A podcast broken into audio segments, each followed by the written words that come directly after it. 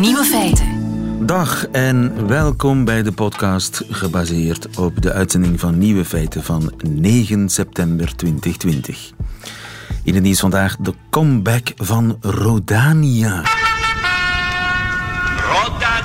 Zeven jaar geleden verdween deze legendarische tune toen het horlogemerk verkocht werd. Maar intussen hebben de nieuwe eigenaars van Rodania ingezien dat je geen Vlaamse klassieker kan rijden zonder.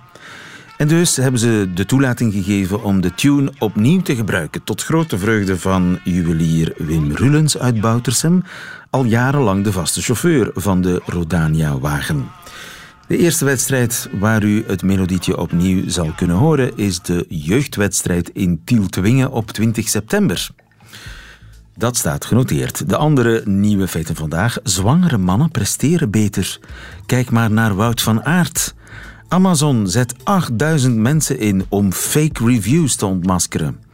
Als de olifantenverzorger geeuwt, dan geeuwt de olifant mee. En Jurgen en Niek spelen mee in de allereerste woensdagquiz van Nieuwe Feiten. De Nieuwe Feiten van Jovan Castiel vandaag, die hoort u in haar persoonlijke middagjournaal. Zo dadelijk. Veel plezier met deze podcast.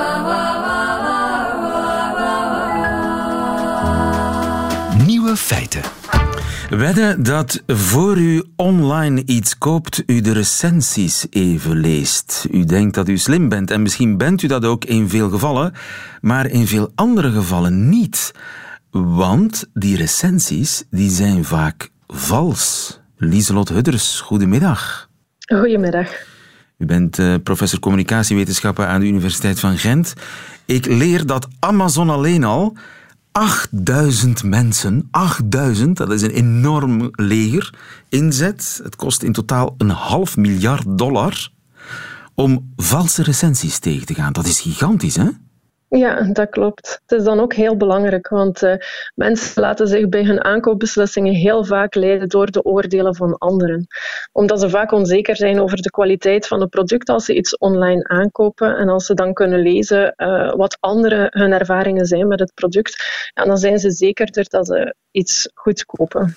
Ja, dat is common sense. Hè? Ja, de andere mensen waren dik tevreden van deze volautomatische tandenborstel. Dan zal uh, ik dat ook wel zijn. Nu, dat wijst erop, die enorme getallen, dat het aantal valse recensies dat dat heel groot is. Hoe groot is de kans dat ik een valse recensie lees? Hebben we daar enig idee van? Nee, ik, ik, denk dat je er eigenlijk van moet uitgaan dat, uh, dat een heel groot deel van, uh, van de recensies die je leest ofwel gesponsord zijn ofwel helemaal vals zijn. Dus dat mensen eigenlijk um, het, de, de recensie posten omdat ze ervoor betaald zijn geweest en dat ze soms zelfs helemaal geen ervaring hebben gehad met het product. Dus u vertrouwt ze niet? Nee, nee. Nee, ik zou, ik, ik, zou altijd wel een kritische blik hebben op die recensies. En zeker niet laten, uh, laten verleiden door één zeer positieve recensie, maar eigenlijk kijken naar, uh, naar het geheel van, uh, van reviews en eventueel ook op verschillende sites gaan kijken wat mensen van een product gaan, gaan vinden. Dat is misschien een truc. Nu, Amazon die gaat investeren in de strijd tegen valse recensies. Nu, Amazon is een winkel die eigen producten verkoopt, zijn het ook die eigen producten van die Amazon zelf verkoopt die last hebben van valse recensies? Of zijn het alleen de producten die, ja, die Amazon als een soort tussenpersoon verkoopt? Als een marktplaats? Ja, ik denk dat uh, ja, als Amazon daar zoveel moeite voor doet, denk ik niet dat ze zelf uh, mensen gaan betalen om valse reviews te schrijven uh, voor hun eigen producten. Maar ik ben daar ook helemaal niet zeker van, dus dat kan wel. Maar ik denk vooral dan de producten die hun aanbieders um, gaan geven, zeker de nieuwe producten die mensen niet kennen, de, de merken die eigenlijk heel weinig reviews hebben uit zichzelf, omdat ze nog helemaal in het begin van, uh, hun verkoop staan, denk ik dat, dat die wel meer kans hebben om ja, om wat vals te spelen. En dat vals spelen, hoe doen ze dat? Kopen zij ergens valse recensies? Kun je dat ergens bestellen? Duizend vals positieve recensies? Of vals negatieve, desgevallend? Voor de concurrentie? Ja, ik denk dat, ja, ik denk dat er verschillende manieren zijn. Aan de ene kant kan je oproepen doen uh, naar mensen die uh, betaald worden dan om een uh, recensie te schrijven. Aan de andere kant kan je ook van die automatische bots gaan, gaan, gaan inschakelen die reviews automatisch gaan genereren. Ehm, je kan ook mensen gratis producten gaan toesturen in, in de hoop dat zij dan een positieve review gaan ja, Dat lijkt mij duur en omslachtig, want je weet het nog niet mhm. zeker. Nu, maar dat is dus kennelijk ook een job voor sommigen, positieve recensies schrijven. Ja, ja, dat denk ik wel. Als, uh, als bleek dat, uh, dat er Facebookgroepen zijn met meer dan 16.000 gebruikers en dat er per dag uh, meer dan 500 vragen zijn om een positieve review te schrijven over een product, denk ik dat je daar eigenlijk wel je fulltime bezigheid kan van. Oh ja, dus er zijn groepen op Facebook waar dat soort positieve recensenten, of recensenten te court, waar die gerecruiteerd worden. Ja, ja, inderdaad. Dan, uh, dan plaatsen ze een foto van het product uh, met de vraag om een uh, review te schrijven daarover. En als je dan kan aantonen dat je een goede, gedetailleerde review hebt geplaatst op Amazon bijvoorbeeld, dan, dan krijg je dan de betaling. Ja, dat lijkt mij heel moeilijk te bestrijden hè, op die manier. Want dan, dan is het een echte mens die een echte recensie geschreven heeft, zij dat hij daarvoor betaald is geweest. Nu, dat kun je natuurlijk nooit zien. Dat kun je nooit weten. Je kan, je kan dan wel bijvoorbeeld, als, als iemand dat doet, doet hij dat vaak ook meerdere keren. Dus je zou ook naar de persoon zelf kunnen gaan kijken en en kijken voor welke producten dat hij een review schrijft. En als die altijd een 5 sterren review geeft, als je ziet dat hij op korte tijd heel veel reviews geeft uh, voor producten, dan kan je dat wel een beetje nagaan. Maar het is inderdaad niet, uh, niet eenvoudig om, uh, om het na te gaan. Want vaak um, wordt ook gevraagd als ze de producten ook effectief zelf kopen, omdat je dan het label Verified Purchase krijgt. Dus dat je eigenlijk ja, een, een, een groter bewijs hebt dat de mensen die de review schrijven ook effectief het product in handen hebben gehad en kunnen testen hebben. Ja, dus zelfs als er staat verified, hè, dat het geverifieerd is, mhm. dan, is het, dan klopt het nog niet. 100% dan. Is het nog niet, ja, dan is het nog niet zeker dat die persoon dat echt uit eigen beweging heeft gedaan en dat hij er geen persoonlijk voordeel uit haalt om die review te schrijven. Want dat zijn eigenlijk de twee belangrijke kenmerken waardoor dat reviews zoveel effect hebben. door het feit dat mensen ervaringen hebben met het product en dat ze er geen persoonlijk voordeel uit halen. Dat ze um, ja, er niets voor terugkrijgen als ze nu positief gaan schrijven over dat product. En dat is natuurlijk niet het geval als je nadien betaald wordt. Ja. En eh, kun je uitkijken waar je online iets koopt? Bijvoorbeeld Amazon is gevaarlijker qua, ik zeg zo maar iets, hè, qua recensies dan een, een gewone webwinkel. Of zit het overal? Die fraude? Ik denk, ik denk dat alle, alle online retailers en alle, ook de, de, de review sites, de TripAdvisors en zo, uh, met die valse reviews te kampen krijgen. Um, dus ik denk dat het heel belangrijk is dat je als consument zelf kritisch bent um, en eigenlijk ja, verschillende stappen onderneemt om ja, na te gaan of dat die reviews nu echt betrouwbaar zijn of niet. Ja, en ook je de vraag stellen of je het niet gewoon in een fysieke winkel kunt kopen. Ja, ja, dat is natuurlijk niet altijd mogelijk. Bijvoorbeeld, voor wat zien we dat mensen recensies vaakst aan, ehm, gaan raadplegen, om, uh, omdat ze op reis willen gaan naar een hotel. Dat is natuurlijk niet, niet mogelijk om dat op voorhand te gaan, uh, gaan echt bekijken en de kwaliteit ervan uh, te gaan nagaan. Dus heel vaak voor die ja, ervaringsgerichte producten zijn reviews nog belangrijker, net omdat je inderdaad die kwaliteit op voorhand niet kan gaan testen. Ja. We zouden eigenlijk een soort review-reviewers nodig hebben. Ja. Ja, inderdaad. Maar er bestaan al wel wat tools die jou kunnen helpen om na te gaan of een eh, review betrouwbaar is of, of niet. Dus daar kan je wel op, uh, ja, daar kan je wel hulp gaan vragen. Maar... Hulp gaan vragen. Dus er zijn, er zijn mensen die dat, ah, die dat bieden, of, of uh, tools. Wat bedoel je met tools?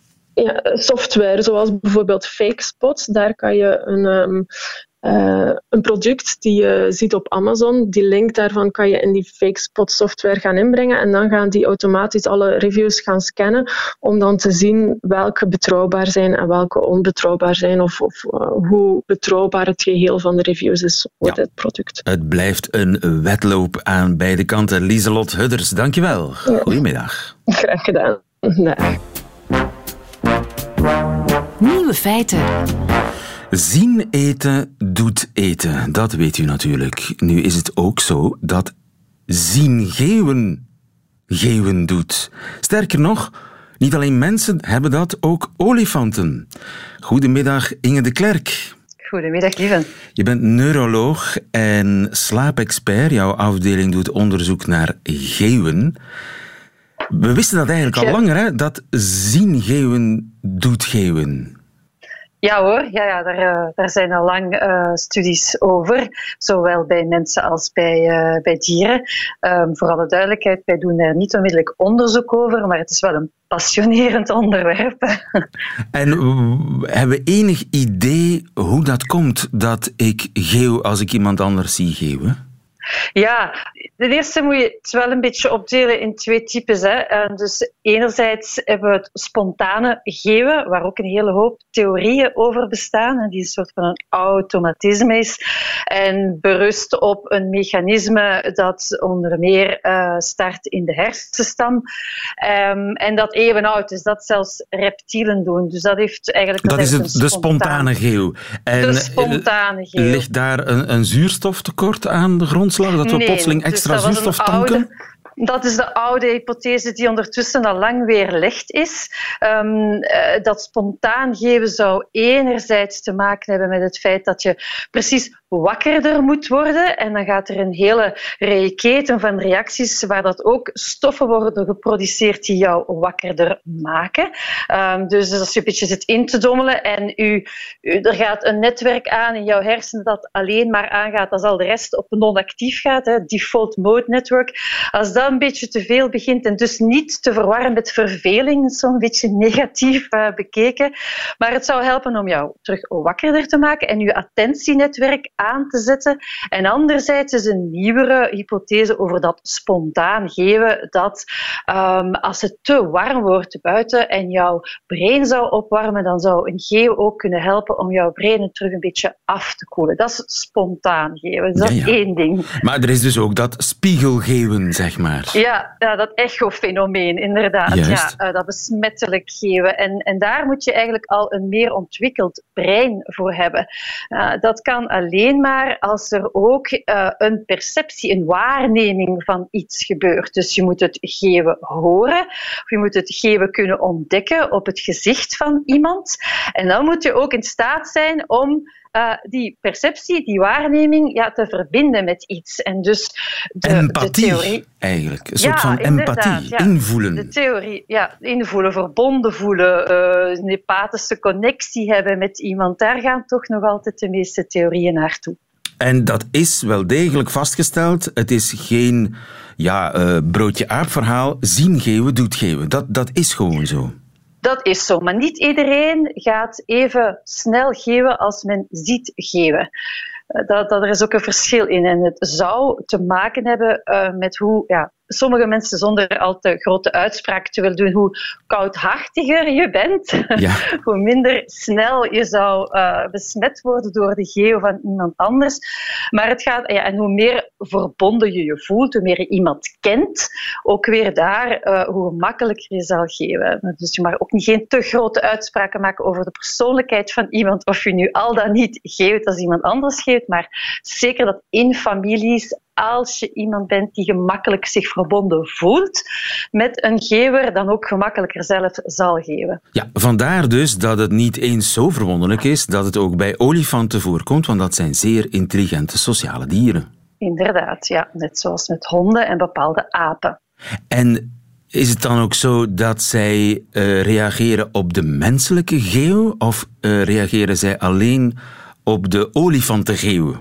En daar is net een recente studie over uh, uitgekomen. Hè, en die dus inderdaad het geven in, in uh, aanwezigheid van verzorgers bij olifanten heeft uh, onderzocht. En blijkt dat vooral de verzorgers die hen frequent verzorgen, dus waar ze, daar kan je ervan uitgaan dat die daar een band mee hebben, dat vooral in aanwezigheid van de geo van de close verzorger de olifanten ook geven. Oh, dat is eigenlijk super schattig.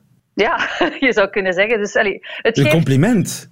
Ja, een compliment. Ik heb jou graag, inderdaad. En wil het misschien ook wel zeggen, het bewijst inderdaad ook weer dat die dieren intelligent zijn, dat ze ook een vorm van emotionele intelligentie hebben. En dat blijkt maar weer in dit geeuwenonderzoek. Dankjewel, Inge de Klerk. Goedemiddag. Met veel plezier. Goedemiddag, lieve. Nieuwe feiten. Feiten Quiz. Het is toch een beetje een historisch moment. Voor het eerst een debuut, eh, de het debuut van de woensdagquiz. Zoals we hem intussen gedood hebben in Nieuwe Feiten. We spelen voor een boekenbon van 25 euro eh, te verzilveren in een onafhankelijke boekhandel van de Confituurfederatie. Dat is, de, dat is de federatie van onafhankelijke boekhandels, die heet Confituur. En we spelen met Niek uit Zeebrugge. Dag Niek. Goedemiddag. Nick, wat was je aan het doen? Ik was eigenlijk uh, net de auto gaan tanken uh, als ik uh, het hoorde en ik dacht, ja, ik is er mis maar eens. Ach, en zo kan je dag een spannende wending krijgen. Jurgen Helemaal. uit Erpenmeren, jij, wat was jij aan het doen? ik ben mijn kinderen gaan ophalen. Ook goed. Van school. We zijn trots op je alle mensen die nu zitten te luisteren naar Radio 1. Jurgen en Niek, jullie spelen mee in de woensdagquiz van uh, Nieuwe Feiten. Jullie krijgen vijf meer keuzevragen. Ik begin bij Niek, want die had zich eerst gemeld. Zolang Niek juist antwoordt, blijft hij aan de beurt. En wie het laatste juiste antwoord heeft gegeven, die wint. Heren, is dat duidelijk? Ja, ja. prima. Dan uh, vertrekken we. Oh, wacht even. Ik moest zelf het startsignaal nog vinden. Vraag 1. De wereld wordt geplaagd door de coronapandemie, maar volgens de paus is er nog een ergere pandemie die de wereld in haar greep houdt.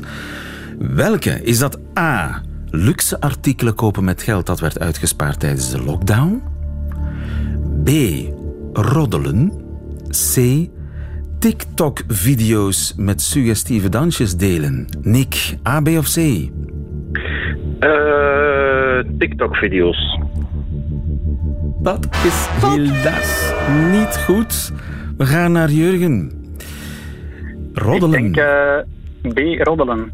Oh, inderdaad. Uh, dat ik is helemaal goed. Dat is helemaal goed. Maar vraag 2. De Indonesische politie moet stoppen met een controversiële straf voor mensen die weigeren mondmaskers te dragen. Om welke straf gaat het? A. Ze moesten hun adem minstens twee minuten lang inhouden. Veel overtreders zeiden dat ze hun masker niet droegen uit ademnood en de politie wilde hen echte ademnood leren kennen. Ze moesten B. een soort riks, in een soort uh, riksja de dokters naar de verschillende thuisconsultaties brengen. Of ze moesten C. in een doodskist gaan liggen om hen te doen beseffen wat de gevolgen van COVID-19 kunnen zijn. A, B of C, Jurgen? Uh, ik denk C. De doodskist. Dat is... Dat is helemaal goed. Ernie wist het. Ik ga door met jou, Jurgen.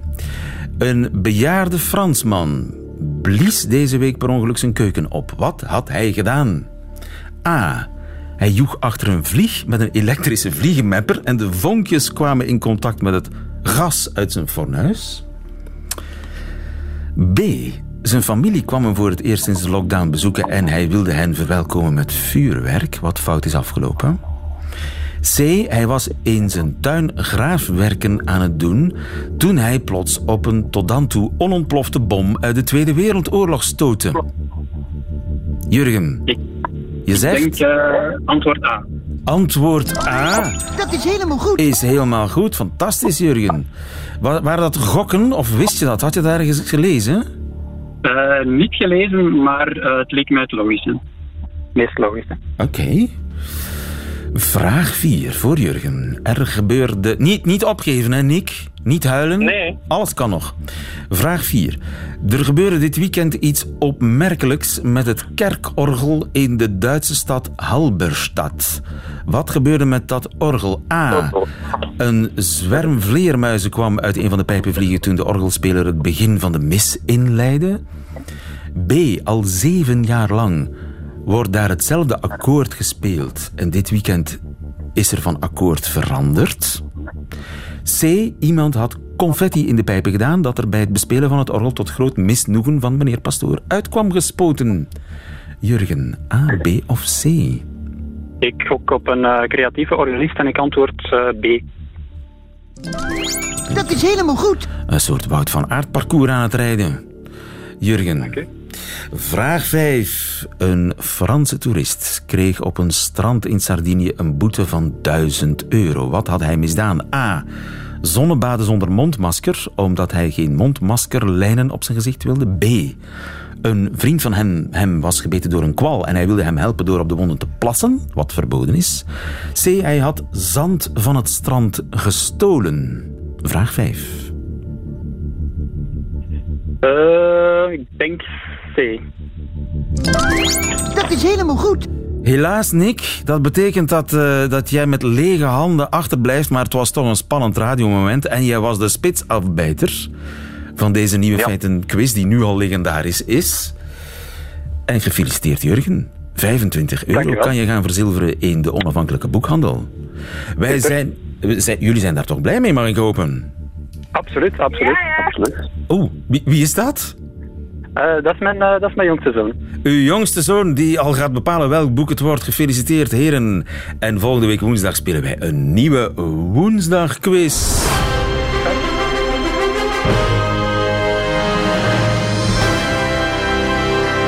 Nog één bocht naar rechts en dan gaat hij triomferen op de Piazza del Campo. Wout van Aert wint de Strade Bianche. Alsjeblieft. Van Aert, Van Aert of Alaphilippe. Wie is het die het gaat halen? Het is Van Aert die wint, mannen. Het is Van Aert die wint met een half wiel. Wout van Aert wint Milan Sanremo. Nog 200 meter, nog 200 meter en wie gaat het halen? Het is Wout van Aert die komt. Wout van Aert ga je winnen. Wout van Aert ga je winnen. Wout van Aert wint. Wout van Aert wint. Wat maken we nog allemaal mee met deze jongen? Door het midden komt Brian Kokkaar of Evan Boasson Hagen. Het is Wout van Aert die nog aan de rechterkant voorbij komt. Als een duivel uit een doos. Het is toch niet waar zeker? Weer Wout van Aert. Dit kan gewoon niet. Dit kan niet. En toch doet hij het. Tweede ritoverwinning in drie dagen tijd. Ja, de overheerlijke Christophe van der Goor. Over de overwinningen, paternoster zou ik het bijna noemen, van eh, Wout van Aert. Want ja, hij rijgt de overwinningen aan elkaar. En wat zou toch zijn geheim kunnen zijn? Voor de renner zelf is het duidelijk, want hij is zwanger. Jeff Brouwers, goedemiddag. Ja, goedemiddag, lieve. Sportpsycholoog eh, Van Aert die overstijgt zichzelf hè, dit seizoen. Zelf zegt hij dat de zwangerschap van zijn vrouw daarvoor iets tussen zit. Kan dat kloppen volgens u? Ja, dat eh, kan zeker kloppen, omdat eh, wat je ongelooflijk prettig vindt, wat je ongelooflijk intens vindt, ja, dat zal, en dat is positief, hè, dan zal die positiviteit een, een soort van eh, meerwaarde betekenen in het eh, presteren van mensen. eh, omdat dat juist toont dat het unieke van de mens is dat hij of zij door die gebeurtenissen die men positief ervaart, een bijdrage levert aan zijn, een meerwaarde levert aan zijn prestaties. Ja, ja. Of aan haar prestaties. Omdat je zou kunnen zeggen dat geluk een beetje, ja, een beetje zacht maakt. Dat je door, dat je, er zijn ook sporters die motivatie halen uit pech, uit, uit frustratie. Ja, dat is, dat is inderdaad waar. Maar daarom zeg ik, het is uniek hoe mensen reageren op een bepaalde gebeurtenis in hun leven. En sommigen eh, halen kracht en energie en eh, doorzettingsvermogen uit tegenslagen. En anderen halen dat uit eh, dergelijke momenten van groot geluk eh, die je gezamenlijk beleeft. En het gezamenlijk beleven van dingen, als dat echt eh, ja, heel sterk emotioneel is, ja, dat geeft een ongelooflijke meerwaarde, omdat dan alles wat in de hersenen gebeurt, ja, dat promoot de afscheiding van de juiste hormonen. Aha. En, en eh, ja, die, die zorgen er dan voor dat je jezelf kunt overstijgen. Dus het is ook een kwestie van hormonen. Ja, dat eh, denk ik wel. Hè. Ik ben natuurlijk geen eh, geneesheer, maar eh, als je de literatuur over neuroscience volgt, dan zult je zien dat al die golven in de hersenen heel vaak eh, een impact hebben op die hormonale werking, of altijd. Hè. En dan eh, komt het erop aan eh, om de juiste golven te krijgen in de hersenen, om de juiste hormonale afscheidingen te hebben. En heel dichtbij bijvoorbeeld heb je althans in mijn interpretatie, gisteren gezien in de wedstrijd van de Rode Duivels, dat Doku in het begin eigenlijk toch wel wat ja, verloren op het veld liep. En eh, dat hij eh, door eh, Kevin De Bruyne permanent aangesproken werd. En dat die, die aanspreking heeft gezorgd dat hij meer en meer in de wedstrijd kwam. En toen Verscharen op het veld kwam, namelijk een ploegmaat van hem, heeft hij uiteraard ja, een, een, prestatie weggegeven die dan geleid heeft zelfs tot een doelpunt. Daar waar dat in het begin van de wedstrijd helemaal... Ja, ja. en dat ligt aan, aan de actie van Kevin De Bruyne? Ja, ik denk dat Kevin uh, gisteren Doku uh, on, ontzettend heeft uh, gesteund op het veld. En Martinez, door bijvoorbeeld na zijn mindere prestatie in de eerste helft, hem toch te laten staan, om hem vertrouwen te geven. En dat vertrouwen, dat, dat, dat voel je van zo'n coach. En, en, en dat, is, ja, dat, is, dat is top om, om dat soort van ja, handelingen te stellen om het vertrouwen van iemand dus, te versterken. Hè. Dus het is ook een kwestie van ploegsport en vaders zijn beter in ploegsport. Uh, ja, dat zou ik niet uh, durven zeggen. Ik zeg dit nu heel categoriek, maar dat is toch wat u bedoelt? Dat, dat het vaderschap... Nee, ik heb het niet over vaders. Het, het, het, elke gebeurtenis die je positief ervaart, hè, die zal die effecten hebben op uh, uw golven in de hersenen. En die zullen dan weer zorgen op hun beurt voor die hormonale juiste bewerking. Als je je kunt dat op alles. Hè. Als je Lieven Annemans eh, een tijd geleden hoorde over het werkgeluk, hè, eh, waarbij die zei, ja, de baas is in feite degene die het eh, meeste zorgt voor geluk, hè, maar ook dus voor ongeluk. En dat was ongeveer, als ik me goed herinner, 50% van de mensen vinden dat niet helemaal optimaal. Als je dus een sfeer creëert op het werk, ja, dan, dan zal iedereen het prettiger vinden op het werk. Hè. Ja. Eh, ik citeer in dat verband altijd Paul Zak, hè. dat is een neuroeconomist. Dat is iemand die neuroscience, hè, de werking van de hersenen en het onderzoek van de hersenen, koppelt aan economische factoren en aan vertrouwen. Dus dat is, ik heb vertrouwen in mezelf, zoals bij, bij Van Aert. Ik heb heel veel vertrouwen en door al die goede vibes hè, krijg ik nog meer vertrouwen. En, en, en ja, kan ik dingen realiseren die, die ja, misschien van mezelf nog niet heb, uh, heb, heb, bedacht dat ik dat zou kunnen. Ja, ja dus je, je hoort heel vaak sporters zeggen dat het tegenslagen zijn die hen motiveren om beter te presteren. Maar u zegt eigenlijk, in de meeste gevallen is het geluk. Uh, een gelukkige ja, jonge mens die sport beter. Positiviteit, hè. Als je ziet hoe Bennett gisteren emotioneel werd en, eh, en iedereen heel de ploeg bedankte voor alles wat ze gedaan hebben voor hem. Omdat hij, komt van Bora hè, en in Bora, uh, ja, daar voelde hij zich helemaal niet goed. Hè. Hij was maar de derde in de lead-out. Dus ja, en, hij is daar weggegaan en hij, hij voelt zich natuurlijk goed, maar dan wil hij uit dankbaarheid, uh, zet hij zoveel druk op zichzelf, dat het een tijdje duurde vooraleer hij kon realiseren om een wit te winnen rit te winnen in de Tour de France. Hè. En gisteren was dat de ontlading na de aankomst. Dat is, dat is zo mooi. Hè. De, hij heeft gewonnen. En, en die ploeg, hè, Morkov, die, die de laatste lead-out was, die, ja, die, die, die had eigenlijk de rit ook gewonnen. Versta je? Hè? En die gezamenlijkheid uh, van de emoties, die maken dat, ja, dat die uh, renners boven zichzelf uitstijgen. Hè? Als je ziet... Uh, aan Wouters, als die met uh, de Cats speelt, ja, die, die heeft een leeftijd uh, die toch wel uh, kan tellen als het gaat over topsport. Ja, de, de, die wordt meegesleurd door die emotie van, die, van dat team. Hè. Het teamwerk is, is zo belangrijk. een, een goed team heeft aan de basis vertrouwen, heeft vertrouwen in elkaar als leden. Uh, dat, waardoor er eh, over alles kan gepraat worden. Dat is open, dat, is, dat geeft engagement. En dan, dan krijg je daar een verantwoordelijkheidszin in. En, en dus die, die, uh, bij Wout van Aert, dat is een professional. Hè. Hij, kan, hij heeft vooral heel veel potentieel, maar hij realiseert dat potentieel en meer. Hè. Ja, en dat, het, het, is het juiste moment voor hem. De, het zit helemaal. Winners, hè.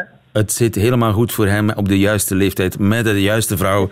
Heeft hij uh, een uh, zwang, is hij zwanger? Hè? Dat mag je toch tegenwoordig zo zeggen.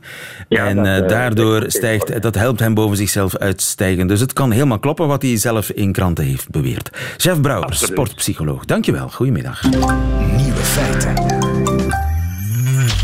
Dat waren ze dus, de nieuwe feiten van 9 september 2020. Alleen nog die van de Vlaams-Amerikaanse comedienne Jovan Castiel krijgt u in haar middagjournaal. Nieuwe feiten. Middagjournaal. Goedemiddag. Een paar dagen geleden waren er s'morgens vroeg bouwvakkers bezig aan het wandelpad naast ons huis. Ze waren in een vreemde taal aan het spreken en veel aan het lachen, liedjes aan het zingen en iets met een hamer op metaal aan het doen. Ik was mijn eerste koffie van de dag aan het drinken toen mijn man de keuken binnenkwam en omdat ik nog niet wakker was, hoorde ik mezelf zeggen: Die mannen zijn veel lawaai aan het maken. Blijkbaar hoorde mijn man dat door zijn mannenfilter, want wat hij hoorde was: Er is zoveel lawaai buiten dat ik hoofdpijn kreeg. Dus hij liep onmiddellijk weg.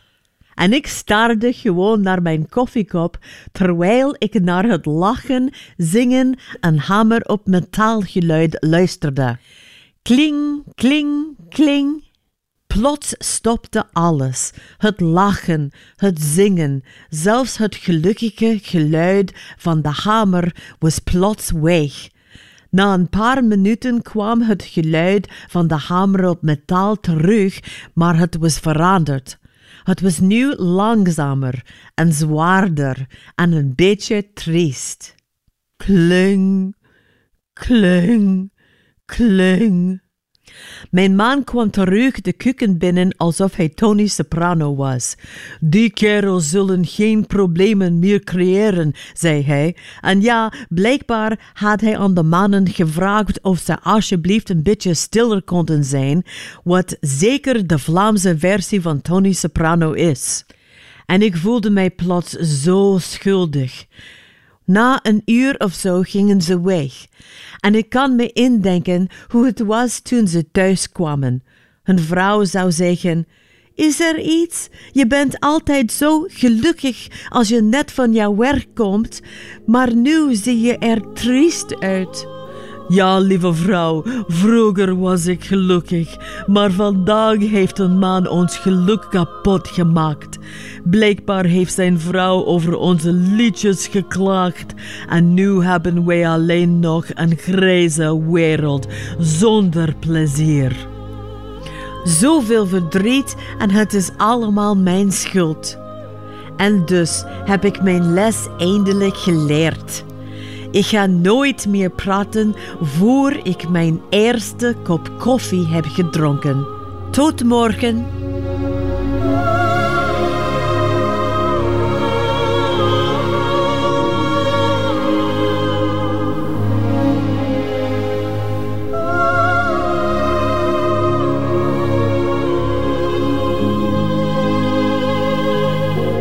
Lesson Learned, Jovan Castiel in het Middagjournaal. Einde van deze podcast hoort u liever de volledige uitzending van Nieuwe Feiten. Dat kan natuurlijk ook via onze app of via onze site. Tot een volgende keer.